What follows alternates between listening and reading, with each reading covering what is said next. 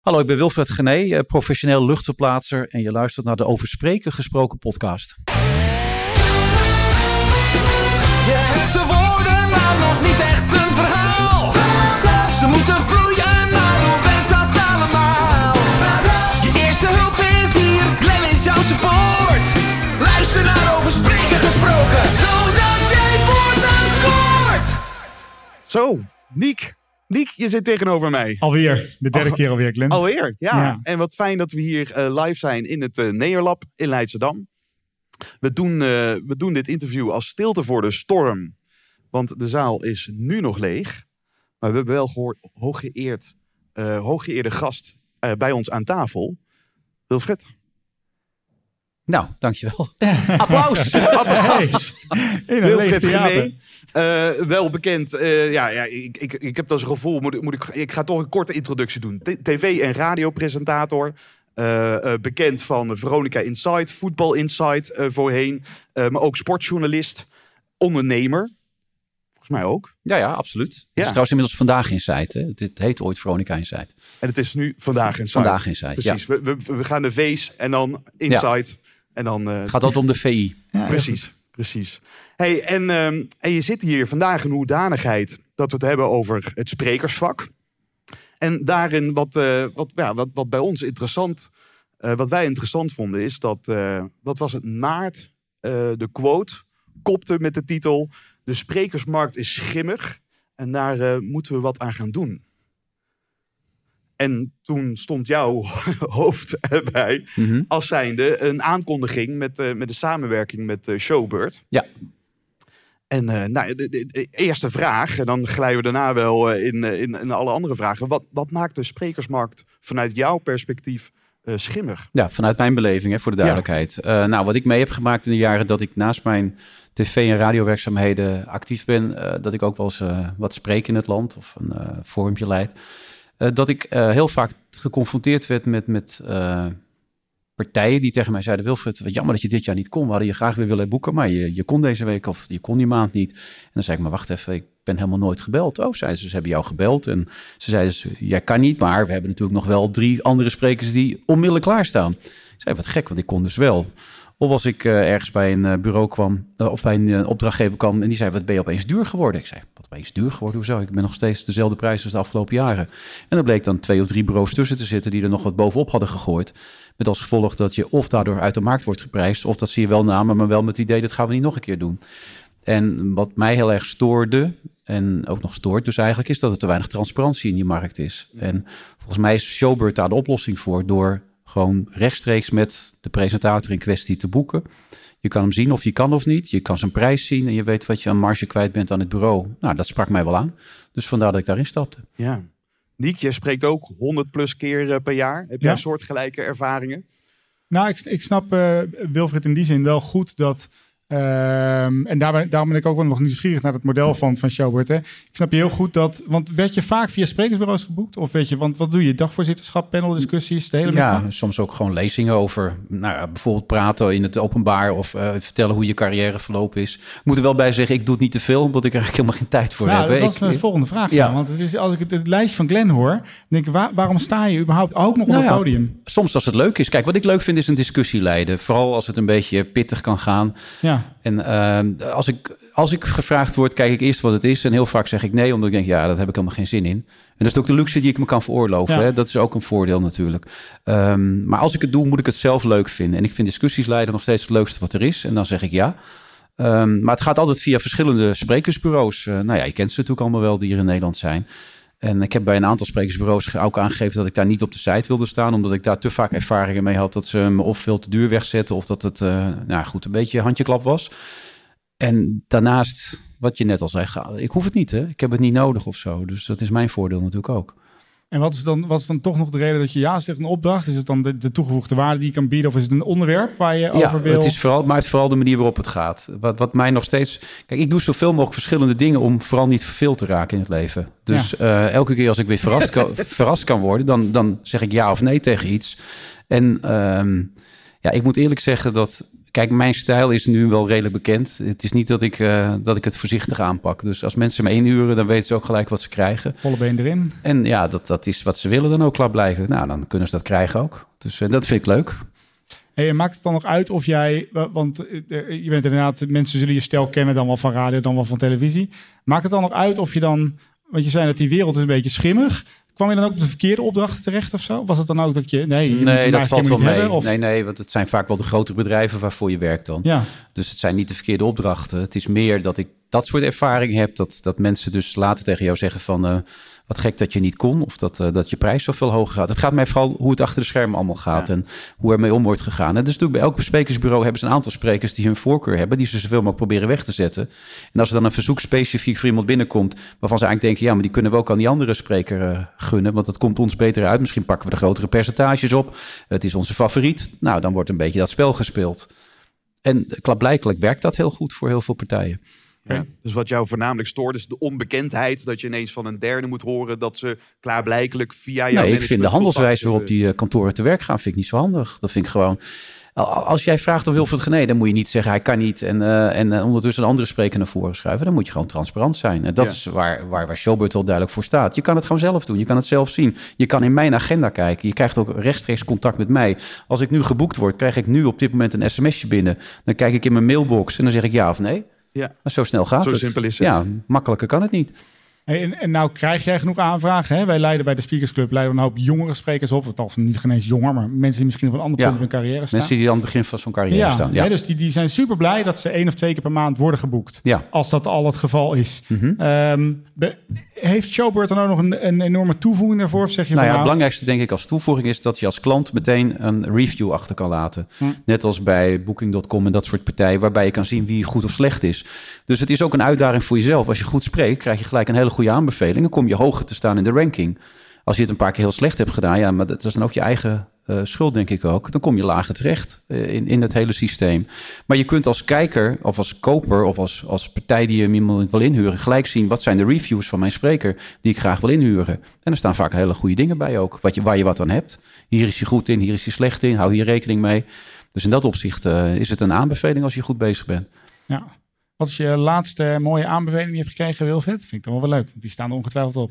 Ja, ik weet niet. Ik bedoel, ehm, wat je- mensen bij mij verwachten is dat ze denken dat hij komt binnen en hij loopt zo weer weg. Maar net als op tv, kijk, ik speel alsof ik me heel slecht voorbereid. Dat is eigenlijk ook een beetje een manier waarop je eigenlijk moet overkomen. Het moet allemaal heel makkelijk en heel nonchalant en heel relaxed lijken. Maar uiteindelijk ben ik altijd belachelijk goed voorbereid.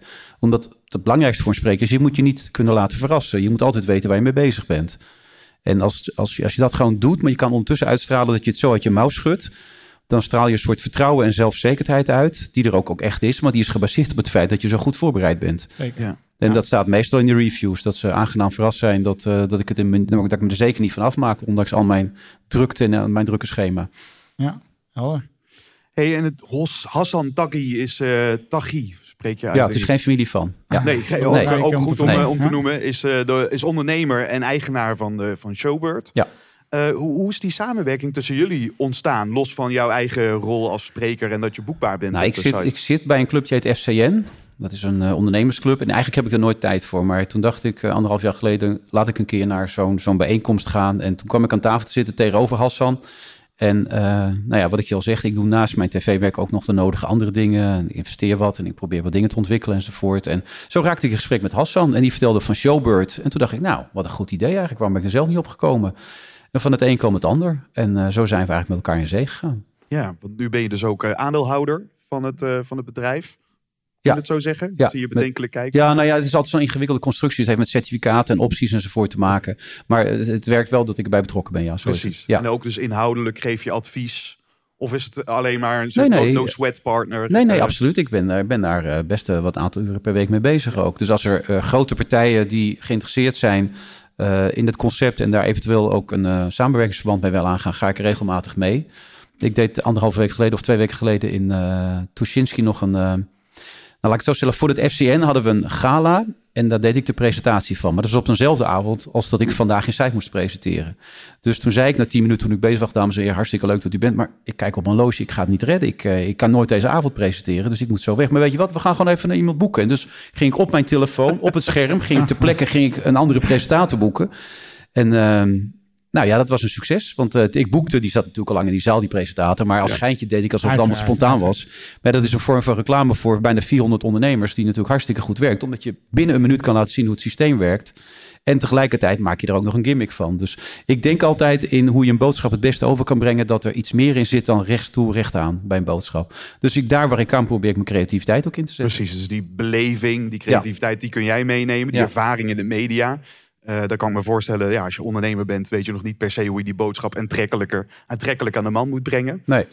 Ehm, maar de, Showbird doet volgens mij een hoop, hè? Dus eh, zowel muziek, muziek Ja. als eh, acts, als het, Jongleurs. zelfs een ballonvouwer zou je kunnen Acrobaten. boeken. Ja, thuisartiesten. Meer dan 10.000 artiesten. De ex staan erop. Dat is gigantisch. Ja. Hoe, hoe, dus de, booking.com eh, eh, metafoor, die snap ik wel. Maar als je dan de artiesten, of in dit geval dan de hotels vraagt... wat vinden jullie van booking.com? Zijn ze eigenlijk niet zo heel enthousiast over vanwege die massa eh, focus. Eh, hoe, hoe zie Nou jij ja, dat? het idee dat duidelijk, ah, is heel erg duidelijk achter dat het eh, toegankelijker wordt allemaal voor ons allemaal. En eh, dat je er opeens ook bij jezelf denkt, ik kan verdorie voor 200 euro een hartstikke leuke artiest thuis boeken. Daar heb je eigenlijk nooit over nagedacht. Dat je zelf een feestje geeft, dat je denkt, hoe doe ik dat nou eigenlijk? Moet ik naar allemaal kantoren gaan bellen? Nee, je gaat gewoon naar die site toe. Je gaat zoeken, je kijkt op de reviews, denk je, nou krijg nou wat voor 150 euro. Sterker nog voor 50 euro een ballonnenvouwer. Fantastisch, die wil ik hebben. het, het, het, kijk, kassa koopje, die pak je er Ja. gewoon eh, bij. maar eh. Ik zie Glenn ook zijn telefoon pakken nu. Ja, ja. Nou, maar het idee er is heel duidelijk achter om de drempel veel lager te Ja. maken. En ehm, wat je zegt, die hotels zullen er niet altijd even blij mee zijn, maar ze gaan wel mee in het systeem. En uiteindelijk is het voor de consument het voordeel. Hè? Ja. Ik bedoel, ik weet niet hoe jij dat doet, maar ik, ik, ja, ik heb voor mijn vakantie, dat is heel erg, bij, bij Booking.com een hotel laatst weer geboekt. Waarom is dat heel erg? Nou ja, omdat, ja, dat denk je, ja, Wilfred, hè, en die eh, verdient wel goed. En waarom zou hij dat moeten doen? Kan ook via een reisbureau enzovoort, of kan via het hotel zelf. Denk je, ja, maar waarom zou ik dat doen? Als Dat is zo dus het makkelijk kan. gemak. Ja, het is ook het gemak daarmee. En dat geldt ook voor Showbird. Dat je het gemak kan hebben om binnen een minuut of twee... Wat ik jou zeg, als ik er eentje binnenkrijg... heb ik binnen een minuut gewoon geantwoord. Althans, dat doe ik dan. want Ik weet niet of dat voor alle artiesten geldt. Het zit ook een bepaald soort snelheid in die past bij deze tijd. Ja. Is dat überhaupt een metafoor, Wilfred? Want je zijn het reisbureaus en boekingen. Is het dan, is, gaan die twee dingen ook naast elkaar bestaan? Dus gaat het Showbird gewoon naast de huidige boekingskantoren blijven staan? Of zeg je van, je ja, maakt dezelfde keuze. Je hoeft niet exclusief bij ons te gaan zitten. Het voordeel van ons, je betaalt bij ons altijd 10% eh, boekingsfee en niet meer dan dat. Nou, bij andere kantoren is, ligt dat eigenlijk altijd aanzienlijk hoger. En het gaat een stukje sneller volgens mij ook. En eh, nou weet ik ook dat er na deze eh, podcast bij Glenn luisteren enorm veel sprekers in Nederland. Mensen die het sprekerspak 1 willen, of dan wel erin zitten. Ehm, als je nou nog eens terug gaat naar dat, naar dat vak. Dus jij wordt geboekt. En je zeker hoorde net al eventjes voorbereiding. Hè? Wij praten nog wel eens over 80% voorbereiding, 20% uitvoeren. Ehm, wat is nou, en jij zult ongetwijfeld wel eens vragen krijgen van mensen die het vak in willen. Wat geef je dan voor- voor een advies? Die spreker willen worden, panels voor willen zitten. Die, die, heb je een paar dingen die je Heeft u even. Ehm, eh, mijn zoontje vroeg laatst toen hij eh, een, een spreekbeurt moest geven. Papa, hoe doe je dat nou? Dan kijken er miljoenen mensen naar je. Ben je dan niet Ja. zenuwachtig? Of als je staat voor een hele grote zaal. Ik zei nee, want eh, de essentie is... Ja, het woord essentie vindt hij nog lastig natuurlijk op zijn elfde. Maar het gaat erom dat je weet waar je over praat. Dus als jij een spreekbeurt moet geven, Luc, Luca, hij heet Luca... Dan moet je gewoon even alles opzoeken wat je over het onderwerp kan vinden. En als je dan weet waar het over gaat, dan kan er niks gebeuren. Want je zit in de materie, je zit in de stof, je weet waar je het over hebt. Ehm, en dat moet je vanuit jezelf vertellen. Niet vanuit de manier of op de manier waarop je denkt dat het zou moeten. Of dat je wel eens hebt gezien op tv of zo. Maar zoals jij denkt dat je het moet vertellen. Zoals jij het voelt. Dus het moet van jezelf zijn. En het kan niet fout gaan als je weet waar je het over hebt. Dat is de essentie van spreken. En te vaak zie ik sprekers die een presentator of een spreker spelen. En dan toch niet echt goed genoeg in zitten. Maar de zekerheid die je hebt op het moment dat je in de materie zit, dan kan je echt niks gebeuren. En als het een keer fout gaat, dan zeg je dat het fout gaat. Ga het daar niet verbloemen met, met moeilijke opmerkingen en doen alsof je het gewoon een beetje kan verbloemen. Nee, je zegt gewoon, nou oké, sorry, maar is het een beetje een domme opmerking die ik nu maak. Maar wat ik eigenlijk bedoel te zeggen is dit en dit en dit. En dat is volgens mij voor heel veel mensen toch nog lastig. Omdat ze natuurlijk, ze zijn zenuwachtig. Zeker als het nog nieuw is, is het spannend. Maar je kan niet in de fout gaan als je weet waar je het over hebt. Dat is de kern. Dus bereid je goed voor. Wees jezelf. Ja, en probeer vooral niet te ver bij jezelf vandaan te gaan. Ja. Ik werd ooit door een CEO gevraagd, dit voorbeeld heb ik wel eens vaker verteld. Die wilde dat ik hem hielp om grappiger te worden. En toen zei ik, dat kan niet. En toen zei hij, waarom niet? Ik zei, nou, je bent niet grappig. Nou, toen was hij al een beetje, beetje boos. En toen wilde hij dat ik een speech voor hem schreef voor een, voor een belangrijk congres dat een paar weken daarna plaats zou vinden, waar allemaal grappen in zouden staan. Dus zei, nou, ik wilde best een speech voor je schrijven. Maar het gaat hem niet worden. Dat gaat niet. Jouw kracht ligt in het feit dat je inhoudelijk heel sterk bent. Ja. Dat je in het verleden hebt laten zien dat je weet waar je het over hebt. Dus eh, mensen hebben een bepaald soort vertrouwen in jouw capaciteiten en jouw kennis. Maar je kan het niet grappig over de bühne brengen. Wat is het niet wie je bent? Nou, toen werd hij nog bozer. Zei hij, nou, dan ga ik met iemand anders in zee. Ik zei, dat moet je vooral doen. Dat vind ik geen enkel probleem. En toen kwam ik een half jaar later tegen. En toen had hij inderdaad die speech gedaan met iemand anders. En toen zei hij, had helemaal gelijk. Het is één grote afgang geworden. Ik zei, maar waarom wil je dat nou? Waarom wil je nou iemand anders zijn dat je zelf bent? Je bent zo ver gekomen met jouw kwaliteiten en wat je kan. Dan ga je toch niet verlogen in jezelf? Ja, maar ik vind het ook leuk als mensen zo grappig kunnen zijn op een podium. Ja, nou ja, die zijn toevallig grappig. Maar die zijn niet zo goed in, in hun werk als jij misschien bent. Klaar. Ja. Dat is de kern. Ja, en tegelijkertijd kan je natuurlijk ook hetgeen waar je nog heel goed in bent verder ontwikkelen, toch? Dus ik zeg, je, Je, je niet- kan alleen maar, dat- maar dat is de essentie van volgens mij coaching ook. Ja, eens. Je kan alleen maar Ja. beter worden in de dingen waar je goed in bent. Je wordt nooit echt heel goed in de dingen waar je, waar je slecht in bent, zeg maar. Die kun je van een 5 naar een 6 halen. Maar als je ergens een 7 of een 8 haalt, kun je naar een 9 of een 10. Het, het, ook het Mark Lammers verhaal, hè? dat kan hij mooi op het podium altijd wel vertellen. Ja, dat Eh, maakt dat zo lang volhoudt, dat verhaal. Dat vind ik wel heel knap. Maar Ja, ja, ja, en toch, eh, laatst eh, sprak ik ook weer met hem op het podium. Zijn, zijn opdrachtgevers dan nog steeds laaiend enthousiast. Omdat ja, er zijn zoveel mensen die het nog niet hebben gehoord. nee, Dus, dat is waar. dat blijft het mooie toch ook aan het vak. Er zijn nog altijd 17 miljoen mensen, nou hoeveel zijn het er, die je niet hebben gehoord. Nee, maar de essentie daarvan vind ik weer, om het woord essentie nog één keer te gebruiken. Ik vind wel Het belangrijk. woord van de podcast, Ja, het woord essentie. essentie. Ik Ja. vind wel belangrijk dat, dat je jezelf toch, toch steeds weer wat andere dingen laat doen. Ja. En natuurlijk, ik doe al twintig jaar VI. Maar toch heb ik het gevoel dat je dan nog altijd binnen VI probeert een, een soort, soort steeds een nieuwe opening te vinden. Om maar exact hetzelfde verhaal te gaan vertellen elke avond, dat lijkt me heel pittig. Ik kan me voorstellen, die reis naar jezelf zijn. En daar is denk ik VI het- voorbeeld van waarom dat zoveel mensen naar kijken. Is dat je mensen, je kan er vinden wat je ervan vindt. Maar het is wel, zitten wel mensen authentiek aan tafel. Dus ook als het eh, ruzie wordt, nou, dan, dan houdt niemand zich in volgens mij daar aan tafel. Nee. Hoe is die in die 20 plus jaar dat jij al voor camera's eh, staat, eh, in microfoon spreekt?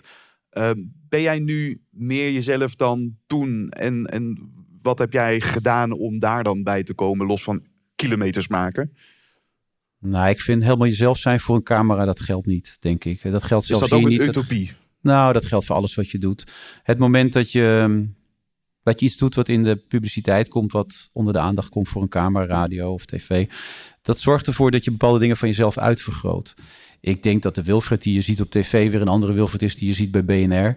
Ik probeer steeds te kijken daar waar het nodig is om een bepaalde functionaliteit van je karakter naar voren te brengen. Dus bij VI vraagt het soms meer provocatie die je uit jezelf haalt. Een vervelender, vervelender, een slechtere kant. Of een slecht is niet het juiste woord, een lastige kant. Weet je wel, een beetje dat prikken, dat duwen, dat trekken, dat sleuren, dat zuigen.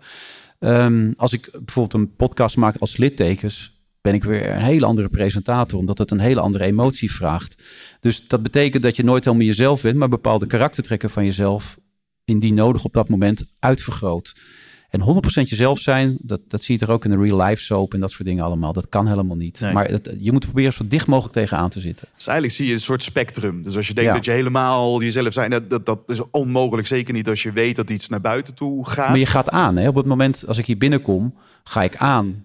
Ik bedoel, ik ga hier zitten, die microfoon staat er en jullie beginnen, dan ga ik aan. En dat geldt op tv en dat geldt op radio. Dat geldt ook als je in theater bent. Je komt soms binnen met het gevoel, denk je, oh mijn god, ik heb hier helemaal geen zin in vandaag. Ik ben gewoon op, ik ben moe. En dan ga je aan en dan is bam, en dan is het er. En dat is gewoon professionaliteit. En dat doe je op tv ook. Ik zie Johan soms ook binnenkomen. Nou, dan moeten we hem echt opvegen. En dan gaat die camera aan en dan is hij er. En zo werkt dat gewoon. En dan zet je jezelf aan.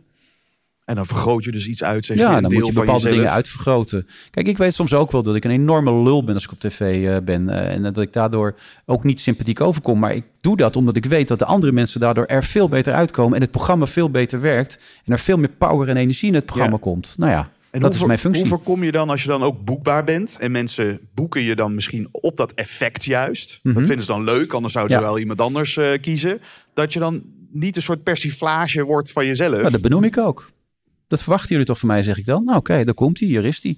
Weet je wel, dus ik, maar ik gebruik het ook gewoon op het moment. Kijk, ik, ik had een keer voor zo'n hele grote zaal voor een hele grote bank. En eh daar gingen een paar dingen mis. Dus ik maakte een paar hele harde grappen over. Zei, ja, dan had je me niet moeten nemen. Sorry, dat is je eigen schuld dat je Humberto Tan moeten nemen. Waarop iemand zei, die wilde we ook, maar die kon niet. Ik zei, daar ga je al, weet je wel. Dat, eh, je moet er vooral mee spelen. Ja. Dus dat is eigenlijk een soort vrijbrief. Dat klinkt wel heerlijk, toch niet? Ja, het klinkt dat je gewoon op een gegeven moment toch ook bepaalde schaduwkanten misschien wel tot kracht hebt eh, verheven. En de mensen je juist daarom ook eh, boeken. Maar je moet voor jezelf steeds kijken, wie ben ik? Waar sta ik voor? En Ik zie toch ook wel hoe ik overkom. En ik weet er ook wel. We, waren vorig jaar in de Ziggo Dome. En toen was er een eh populariteitspol werd er gehouden. Johan 40%, eh René 40% en ik 20%. En mijn kinderen zaten daar. En die waren daar toch wel een beetje van aangedaan.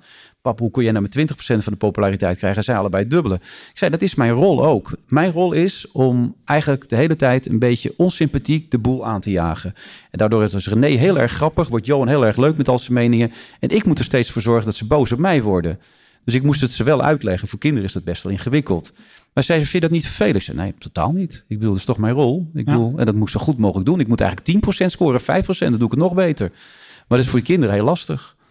Ja, dus ik hoor daar, het mooie is, daar hoor ik iets authentieks in. En tegelijkertijd, die vond ik net wel mooi. Waar ik ook maar kom, op het moment dat ik op het podium sta of op de achter de camera of de micro, sta ik aan. Ja. En eh, is dat dus ook mijn rol die ik op die dag te spelen? Absoluut. Ja. Maar Ja. wel zo dicht mogelijk bij jezelf blijven daarin. Ja. Kijk, ik kan niet iemand anders spelen. Ik kan niet opeens heel, heel aardig gaan zitten doen. Omdat ik denk dat, alhoewel, in littekens ben ik een stuk empathischer. Maar dat komt ook omdat ik er een hele andere insteek heb als ik ga interviewen. Ik zit er juist... Het grappige... Ik, heb je wel eens littekens gekeken, die podcast? Is dat met Eva of niet? Of is het een Nee, andere? nee, dat, is weer, dat was weer voor de gehandicaptenfonds. Ja. Nee, dat was eh, dat ik één op één met mensen praat over hun littekens die ze op hun lichaam hebben of van binnen. En, Oeh. maar het grappige daaraan was, is dat die mensen er zo van uitgingen dat ik die vragen ging stellen, die pittige vragen. Dat voordat ik iets had gezegd, zei ze, nou, voordat je toch al gaat vragen, gingen ze een heel zwaar verhaal vertellen, omdat ze ervan uitgingen dat ik het toch deed. Ah, ja. Dus klaarblijkelijk zitten bij mensen die te gast zijn ook al in hun hoofd, hij gaat het toch wel doen, laat ik het dan zelf maar doen. Dus wat jij zegt, als je aangaat, hoe authentiek ben je dan? Nou, zo authentiek mogelijk, maar helemaal kan natuurlijk niet. Ja. Waar ga je nu zelf dan op dit moment echt het meeste van aan? Omdat dan littekens lijkt dan zo ver van VI af te staan. Dat dan toch misschien, ja, juist zelfs die gasten jou even willen duiden. Ja, ga je nu de, met gestrekt been erin? Oh nee, je bent, je bent nu eigenlijk best wel aardig. Dat, mensen, dat, dat is toch ook onlogisch dat mensen onaardig per definitie zouden zijn. Maar ik kan me het nog steeds voorstellen dat dat, als je zo groot wordt uitgemeten in de media, dat best wel ingewikkeld is om, om Nee, je daartoe te verhouden. Het is heel simpel, vind ik juist. Ja? Omdat ik steeds voel wat op dat moment nodig is. En ik pak het moment om te voelen van deze situatie vraagt hierom en die andere situatie vraagt iets meer van deze kant van mezelf. En dat maakt het ook zo simpel. Ik breng gewoon mezelf mee. En ik ben iets breder dan één dingetje. Maar op tv zien mensen één dingetje. Daarom zijn ook zoveel mensen boos op, maar die willen hem in elkaar slaan. Nou ja, prima. Die kijken naar dat dingetje. We hadden laatst eh, jongens die deden bij ons de vloer. En eh, die bracht ik koffie en ik zat een beetje met z'n hoe Het zeven die jongens, maar je bent gewoon aardig. Ik zei, ja, en? Hij zei, maar op tv ben je helemaal niet aardig. Ik zei, nee, maar dat is toch tv. Dan vergroot ik het toch een beetje uit. Maar ja, ik vind prima als je hem niet aardig vindt. Ik zit er niet mee. Ik, ik zit er niet in om likable te zijn. Ik zit erin om mijn werk zo goed mogelijk te doen. Dat is ook, ook wat ik tegen sprekers zeg. Zorg er nou voor dat je zo goed mogelijk wordt in wat je kan. En wat je bent, en wie- wat je wilt doen. Ik krijg heel veel van die jonge mensen van de school van journalistiek die dat ook vragen. Die zeggen, ik wil bekend worden. Ik zeg, dat is een volkomen verkeerd uitgangspunt. Het uitgangspunt moet zijn dat je een stijl ontwikkelt die zo dicht bij jou staat. En die daardoor ook weer zo onderscheidend is van al die andere mensen. Je moet ook niet iemand gaan imiteren. Je moet niet een andere presentator denken, zo wil ik het ook gaan doen. Want het is niet wie je bent. Zorg ervoor dat je een eigen stijl ontwikkelt die dicht bij jezelf staat. En als je dat goed doet, word je beter en nog beter. En dan zul je succesvoller worden. En dan word je waarschijnlijk bekend of niet. Maar het doel bekend worden op zich slaat helemaal nergens op. Nee, nee, couldn't agree more. Nou ja, en dan, eh, ja, en, en zodat je dus ook zoveel mogelijk waarde voor je publiek toe kan voegen. Hè? Dus de, ja, het is fantastisch als je eigen stijl. Maar ik vind als je als spreker of als dagvoorzitter zit je er ook nog voor je publiek, toch? Dus Ik je ben alleen maar bezig met het publiek. Ja, dus, dus ik bedoel meer van je bent nog bezig met de, de, de waarde die het evenement heeft. Of hoe goed het panelgesprek gaat. Of hoe goed het waarmee je op tafel zit. In plaats van, hé, hey, wat fantastisch dat ik je mijn verhaal zit te vertellen. Het Nou, zit me echt geen hout. De essentie is, ik presenteer op tv alsof ik de kijker ben. Ik heb als het ware een afstandsbediening in mijn hand. En ik denk de hele tijd bij mezelf, ik zit nu op de bank thuis. En ik kijk mee naar dit programma wat ik zelf aan het presenteren ben. Zou ik het nu nog leuk vinden? Nee, ik vind het nu niet leuk, maar er moet nu wat woede in komen. Er moet wat humor in komen van René. Of er moet nu even een gekke anekdote komen. Zo zit ik, dus ik zit de hele tijd te zeppen als kijker. Ik zit totaal niet in mijn rol van hoe dat op hoe ik daar uitkom of wat, wat, wat mijn, mijn rol daarin is. Mijn idee is alleen maar, ik wil die kijker zo goed mogelijk bedienen. Ik deed vorige week het, het verkiezingsdebat.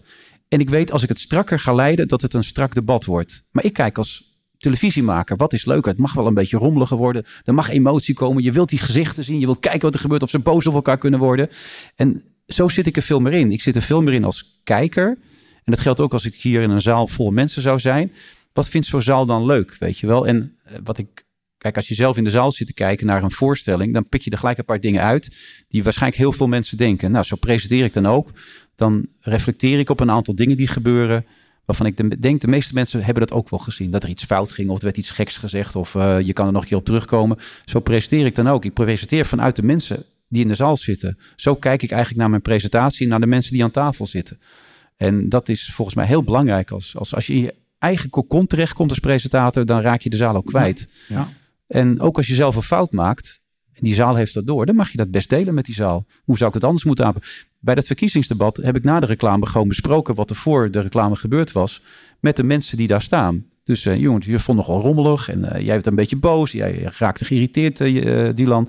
Jij vond dat er veel onzin werd gesproken. Nou, dan gaan we toch minder onzin praten. En ze deden meteen weer. Dus ik probeer ze het zo duidelijk te maken dat, dat ze het zelf zijn op dat moment. Dus je probeert die menselijkheid neer te zetten met metataal. En dat is wat je volgens mij ook sowieso als presentator veel moet gebruiken. Metataal. Wat gebeurt er? Wat zie je? Wat is er aan de hand? Als je voelt dat iemand boos wordt. Ik heb de indruk dat je boos begint te worden. Klopt dat of zie ik dat helemaal verkeerd? Ja. Weet je, dat soort dingen. En dat gebeurt zo weinig, vind ik vaak, als ik eh, naar Ik presentaties denk ga wel kijken. inderdaad heel fundamenteel, zeker als we het over de sprekerswereld hebben. Dus de entertainmentbranche is misschien meer met effect bezig, want dat is ook het doel van wat je doet. Ja. Maar in het sprekerswereldje gaat het toch heel erg over de inhoud, over kennis. En die kennis wil ik overdragen. Veel minder misschien over de afstandsbediening van emoties, dan wel de metataal benoemen wat er in het moment gebeurt. Ja, maar toch zie ik sprekers die en inhoud en metataal en ook Zeker. zeker eh, een beetje entertainment in hun presentatie gebruiken om de inhoud veel beter... Dat veronderstelde goed spreker, zou je kunnen zeggen. Dat maakt de spreker heel goed, vind ik. Heb je een paar voorbeelden van mensen waar je nu in denkt? Niek van Adel, wat zei je? Oh, Zeg je? Nee, nee, ik zei mijn eigen naam. Maar dat is eigenlijk. Hij valt ook echt totaal niet. Hè? maar het is Hij- leuk hij als je een grap zichzelf, maakt dat hij maar, niet eh, valt. Ja, Maar we hebben toch ook al eens met elkaar gesproken? zeker. Ja, zou ik ja, net zeggen. Ja. Ja, ja. En dat was toen met de Eva, ja. Maar ehm, ik zit aan mijn dorpsgenoot te bellen, denken. Die, ehm, ik kom even niet op zijn naam, met de ladder en zo allemaal. Eh Ben Tichelaar. ben Tichelaar, ja. Ja. Die kan terwijl, terwijl als je Ben vraagt, dan, dan, dan doet hij nog liever dingen onderzoeken. is echt een journalist dan praten. En toch is hij fantastisch op het podium. Ja, dat vind ik dus ook. En die kan dat goed combineren. Ja. Het grappige is wel, hij is een keer co-host bij BNR geweest. En toen was hij vrij serieus. Toen kon ik hem heel slecht uit zijn comfortzone krijgen. Dat, eh, dat was wel heel apart om te zien ook. Maar dat is een hele goeie daarin. Ja, dat vind ik echt heel knap. Zou je Ja. niet veronderstellen dat dan die twee werelden wel twee verschillende dingen zijn? Dus, dus je ziet bij Showbird wederom die entertainmentkant en dan die sprekerskant, waarin of ik een evenement creëer als ondernemer die, waar sprekers zijn, waar misschien ook een doel van een organisatieverandering eh, eh, aan de hand is. Veronderstelt wel dat ik als boeker weet wat ik nodig heb. Terwijl Mhm. dat jij misschien ook weet wat ik wil, is niet altijd wat ik nodig heb om het gewenste effect te creëren. Nee, ik wel zeggen dat er bij, bij, bij Showbird dus een aparte sprekersplatform is. Dat is er speciaal op ingesteld. En daar kun je ook nog weer, via allemaal zoekwoorden, kun je ook nog weer de specifieke dingen zoeken die jij wilt hebben op dat moment. Ja, dus je Dus staat niet onder de band of onder Nee, de... nee, je staat juist, er is een apart sprekersplatform gedeelte. Eh, daar leg ik linksboven in beeld ook nog even uit wat daar de bedoeling van is. En de essentie daarvan is, hoe de essentie, het woord dat je daarvoor gebruikt moet, wat je hier nog wil hebben, dus een bepaald onderwerp wat je graag besproken wil hebben, dat kun je allemaal nog invoeren. Het is eigenlijk net als eh, bij Funda of bij Booking, dat je ook zegt van vijf sterren, eh, aan het strand, eh, of bij Funda bijvoorbeeld eh, een appartement, al dat soort dingen kun je nog invoeren. En daarmee kom je specifiek uit op wie je wilt hebben. Veronderstelt dus wel nog steeds dat ik weet wat ik wil hebben. Terwijl weten wat je wilt of doen wat je nodig hebt om echt een... Ja, Ja. zo'n, je medewerkers als het ware mee te krijgen in een verandering. Of, of daadwerkelijk dat stukje informatie te geven. Nou ja, wat dan ook nog kan, we hebben ook nog een speciale afdeling die daarbij kan helpen als dat nodig is. Die ondersteuning als het nodig is, is Ja. er wel. Daar betaal je een licht tarief voor en die kan met jou eh, de overleggen en eventueel zelfs nog een programma voor je samenstellen. Dan word je eigenlijk voor een deel ook de organisator, Ja. mede-organisator Ja, van je kan ook event. een heel uitgewerkt plan krijgen. Hey, en als mensen jou boeken, volgens mij eh zo'n 60, 100 euro exclusief. Ja, klopt. Dat zit dus 6000 voor mij en een 600 dus voor, eh voor Showbird. Ja, dat klopt. Ja. En wat, en wat koop je daarvoor? Dat hangt er vanaf wat je wil. Dus eh, dat kan zijn een spreekbeurt, maar het kan ook, eh, als ik een, de- een discussie moet leiden, dan, dan doe ik dat voor je. Als jij een, een spreekbeurt doet, Wilfried, waar heb je het dan over? Heb je onderwerpen waar je wel of niet over... Heb je dan Ja, juist ik heb een tijdje, een tijdje je veel over gezond eten gesproken natuurlijk. Ah, Met vullen of voeden. Ook omdat mijn vrouw zich daar heel erg actief voor inzet. En daarnaast heb ik ook een tijd lang eh, verteld hoe ik begonnen ben. En, eh, en, en, en waar ik nu terecht ben gekomen. En daar gebruik ik natuurlijk heel veel filmpjes en eh, flauwe grappen in. Van, van de, door de tijd heen. Wat er ook aan fout is geweest. Ik, bedoel, ik laat dan ook bijvoorbeeld zien dat ik... Wayne Mardell interview bij, het, eh, bij Darts. Nou, dat is een van mijn eh, absolute dieptepunten live op de Nederlandse televisie voor 2 miljoen kijkers. Dat, eh, ik heb het niet gezien. nou, dat is, je, kan, je kan het opzoeken op YouTube. Dat is echt verschrikkelijk. Dat, die man die komt van het podium, heeft net verloren, is eh, behoorlijk aangeschoten, is zes Bacardi Cola verder. Daarom gooide hij op een gegeven moment ook pijlen naast het bord. En ehm, die, die wil ik interviewen. En ik stel hem een paar vragen, maar hij reageert heel agressief op mij. Dit, eh, these aren't the questions. Nou, eh, eh, kortom, en ik had het al niet willen doen. Ik had al tegen de directie gezegd, laat mij dat doen waar ik goed in ben. En ik heb niks met darts. Nee, maar Wilfred, jij bent onze eerste presentatie. Jij moet het doen. Ik zei, nee, laat me nou niet doen. Oké, ik ga daar zitten. Moet je voorstellen, Expo-hal in, in, in, in Enschede, Hengelo. En daar zaten dus 4000 dronken tukkers. Die gooiden alleen maar bier over het scherm de hele tijd heen. Dus ik zat er al niet echt op mijn gemak. En toen kwam die gozer erbij, die werd boos op mij. En op een gegeven moment kreeg ik, kwam ik er ook niet meer uit. En toen moest mijn eindredacteur in mijn oor een vraag influisteren.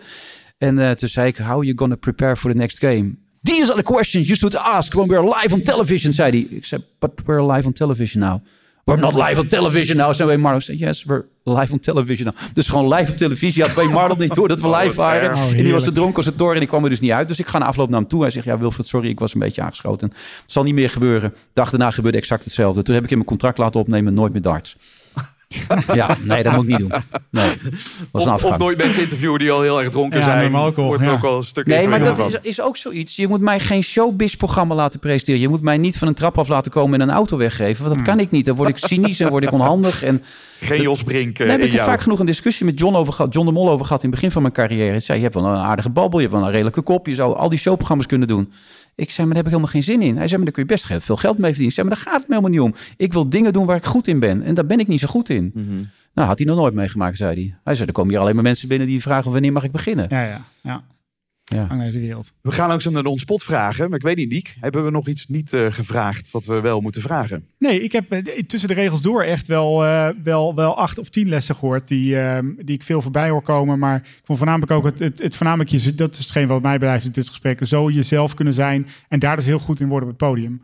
Eh, ik denk dat dat wel iets is wat, eh, wat ik ook onze jonge mensen en eh, sprekers gun. Ja. Maar Ja. de kern is, je begint met een goede voorbereiding. Ja, En dan vraag je af hoe je het gaat vertellen. En dat is de manier waarop je die kiest. Is, die is zo dicht mogelijk bij jouzelf. Ja. En als je dus niet zo heel grappig bent, dan moet je niet grappig gaan doen. Maar dan moet je gewoon toch nog steeds proberen op een enigszins ingetogen wijze jouw presentatie te doen. Ehm, en probeer metataal te gebruiken. Dat vind ik echt zo belangrijk. Kijk wat er gebeurt in die zaal. Kijk wat het voor effect heeft wat jij op dat moment aan het doen bent. En voel ook bij jezelf wat er met jou gebeurt. En als je merkt dat het, dat het iets met je doet, bespreek het ook gewoon. Laat het merken. Ver- Verstop het niet. En blijf vooral in contact met de zaal. En kijk vooral, hoe zou ik het vinden als ik in die zaal zou zitten, hoe het nu overkomt. Klopt, Ja. het, klopt het wat ik doe?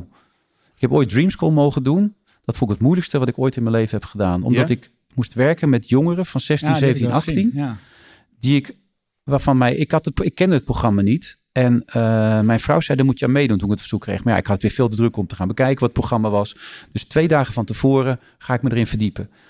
En ik zoek het op en ik zie alleen maar ruzie makende jongeren en eh, schreeuwende kinderen die de, de zaal uitlopen en allemaal problemen hebben. Ik oh mijn god, wat heb ik mezelf nu op de hals gehaald. En uh, maar toen dacht ik, ik kan maar één ding doen, is zo goed mogelijk in contact met die, met, die, met die jongeren komen. Dus ik heb van al die mensen een cv opgevraagd. Die heb ik helemaal uit mijn hoofd geleerd. Ik heb foto's uit mijn hoofd geleerd. En ik heb me enorm verdiept in het verhaal. En toen kwam ik daar en ze stonden me allemaal op te wachten. En toen liep ik gewoon naar ze toe. Zei, hey Henk, hoe gaat het met je? Hey Bram. Bram komt toevallig binnenkort weer langs bij ons. En ik ging gewoon gelijk naar ze toe en ik, ik wist hun verhaal. En dat vonden ze al zo gek. Omdat ze daardoor gelijk gezien werden. Want dat is heel belangrijk. Op het moment dat je iemand interviewt, dat je hem ziet. Hm. Dat geldt ook als je hier in de zaal wat doet. Dan moet je proberen te, die persoon te zien. En ik vond het super spannend. Maar ik benoemde ook dat ik het super spannend vond. En dat leverde eigenlijk zoveel mooie momenten ook op. Dat vind ik een van de mooiste dingen die ik ooit heb gedaan. Maar ook een van de allermoeilijkste die ik ooit heb gedaan. Omdat ik mezelf daar zo moest inbrengen. Kijk, ik kon daar geen trucjes meer gebruiken. Nee, ik gebruikte het trucje van me heel goed voorbereiden en weten wie ze zijn. Maar vanaf dat moment ben je overgeleverd aan wat er gebeurt, aan emoties. En dat was echt heel bijzonder. Ja. Dat vind ik wel de mooie dualiteit hier inderdaad. Dat je je zo goed voorbereidt dat je het los kan laten in het moment. Waardoor je dus kunt meta benoemen. Ja. Want als je niet goed bent voorbereid, zit je waarschijnlijk in je kop van oeh, wat wordt het volgende? En dan kun je dus dat doorvoelen ook niet doen. Want ja, je kan niet in je kop zijn en in je lijf tegelijk. Ehm, en dat, eh, nou, dat heb je wel mooi benoemd en laten zien, denk ik, eh, in de voorbeelden die je geeft. We gaan naar de ontspotvragen. Dat zijn eh, de vragen die we eigenlijk alle 130 gasten die we hiervoor hebben gehad in de podcast stellen. Het eerste wat in je opkomt, mag je antwoorden. Ready? Ja. En wat is een boek wat, eh, wat je enorm heeft geïnspireerd of wat je het meest cadeau hebt gegeven aan anderen? I know this much is true. Maar het gekke is, het is een heel oud boek. En dat is ooit aangeraden door Oprah Winfrey. Maar toen ik het had gelezen, vond ik het wel een van de beste boeken. Ook over hoe mensen een strijd in het leven moeten voeren. Hmm. Maar het is echt al heel lang geleden. I know this much is true. I know this much is true. Ja, het is echt een oud boek. Wat is een mythe over spreken waar we echt vanaf moeten? Sorry? Wat is een mythe over spreken waar we echt vanaf moeten? Dat je leuk moet zijn. Dat je aardig gevonden moet worden. Ah, kijk. Je mag een uithangbord plaatsen waar miljoenen mensen langskomen. Wat zou jij op dat uithangbord plaatsen? Voor spijt heb ik geen tijd. En, eh, nee, maar dat is een van de belangrijkste dingen. Je moet vooral je eigen weg blijven, Ja. je eigen koers blijven varen. Stel je voor, angst speelt geen rol meer in je leven. Wat voor keuze zou je dan maken? Hmm, zou ik niet weten, want dat, dat kan ik me niet voorstellen. Wie is voor jou een idool of inspiratiebron? Willem Ruis. Eh, je mag een muzieknummer in de over spreker gesproken jukebox stoppen. Eh, ik vraag bijvoorbeeld sprekers wat ze graag luisteren voor of na een eh, lezing. Maar het mag ook gewoon een persoonlijk anthem zijn. Jij mag kiezen. Ehm, het rode licht van André Hazes. Kijk, laatste vraag is de college tour vraag. Heb je misschien al een beetje beantwoord, maar misschien nog een bonus tip. Wat zou je een beginnend spreker als advies willen meegeven? Wat is een mooie eerste stap? Om te beginnen bedoel je? Of überhaupt als, als inspiratie? Ja, eh, ik denk eh, mag allebei. Weet wie je bent? Of zorg erachter, of kom erachter dat je weet wie je wordt. Wilfred, dankjewel. Ja, graag gedaan. Dankjewel. Waarom ligt die gele helm hier eigenlijk de hele tijd? Omdat we nog totaal in verbouwing zijn hier. Oh. Het is eh, allemaal nog niet af. Hey lieve luisteraar, gefeliciteerd! Je hebt de hele aflevering afgeluisterd.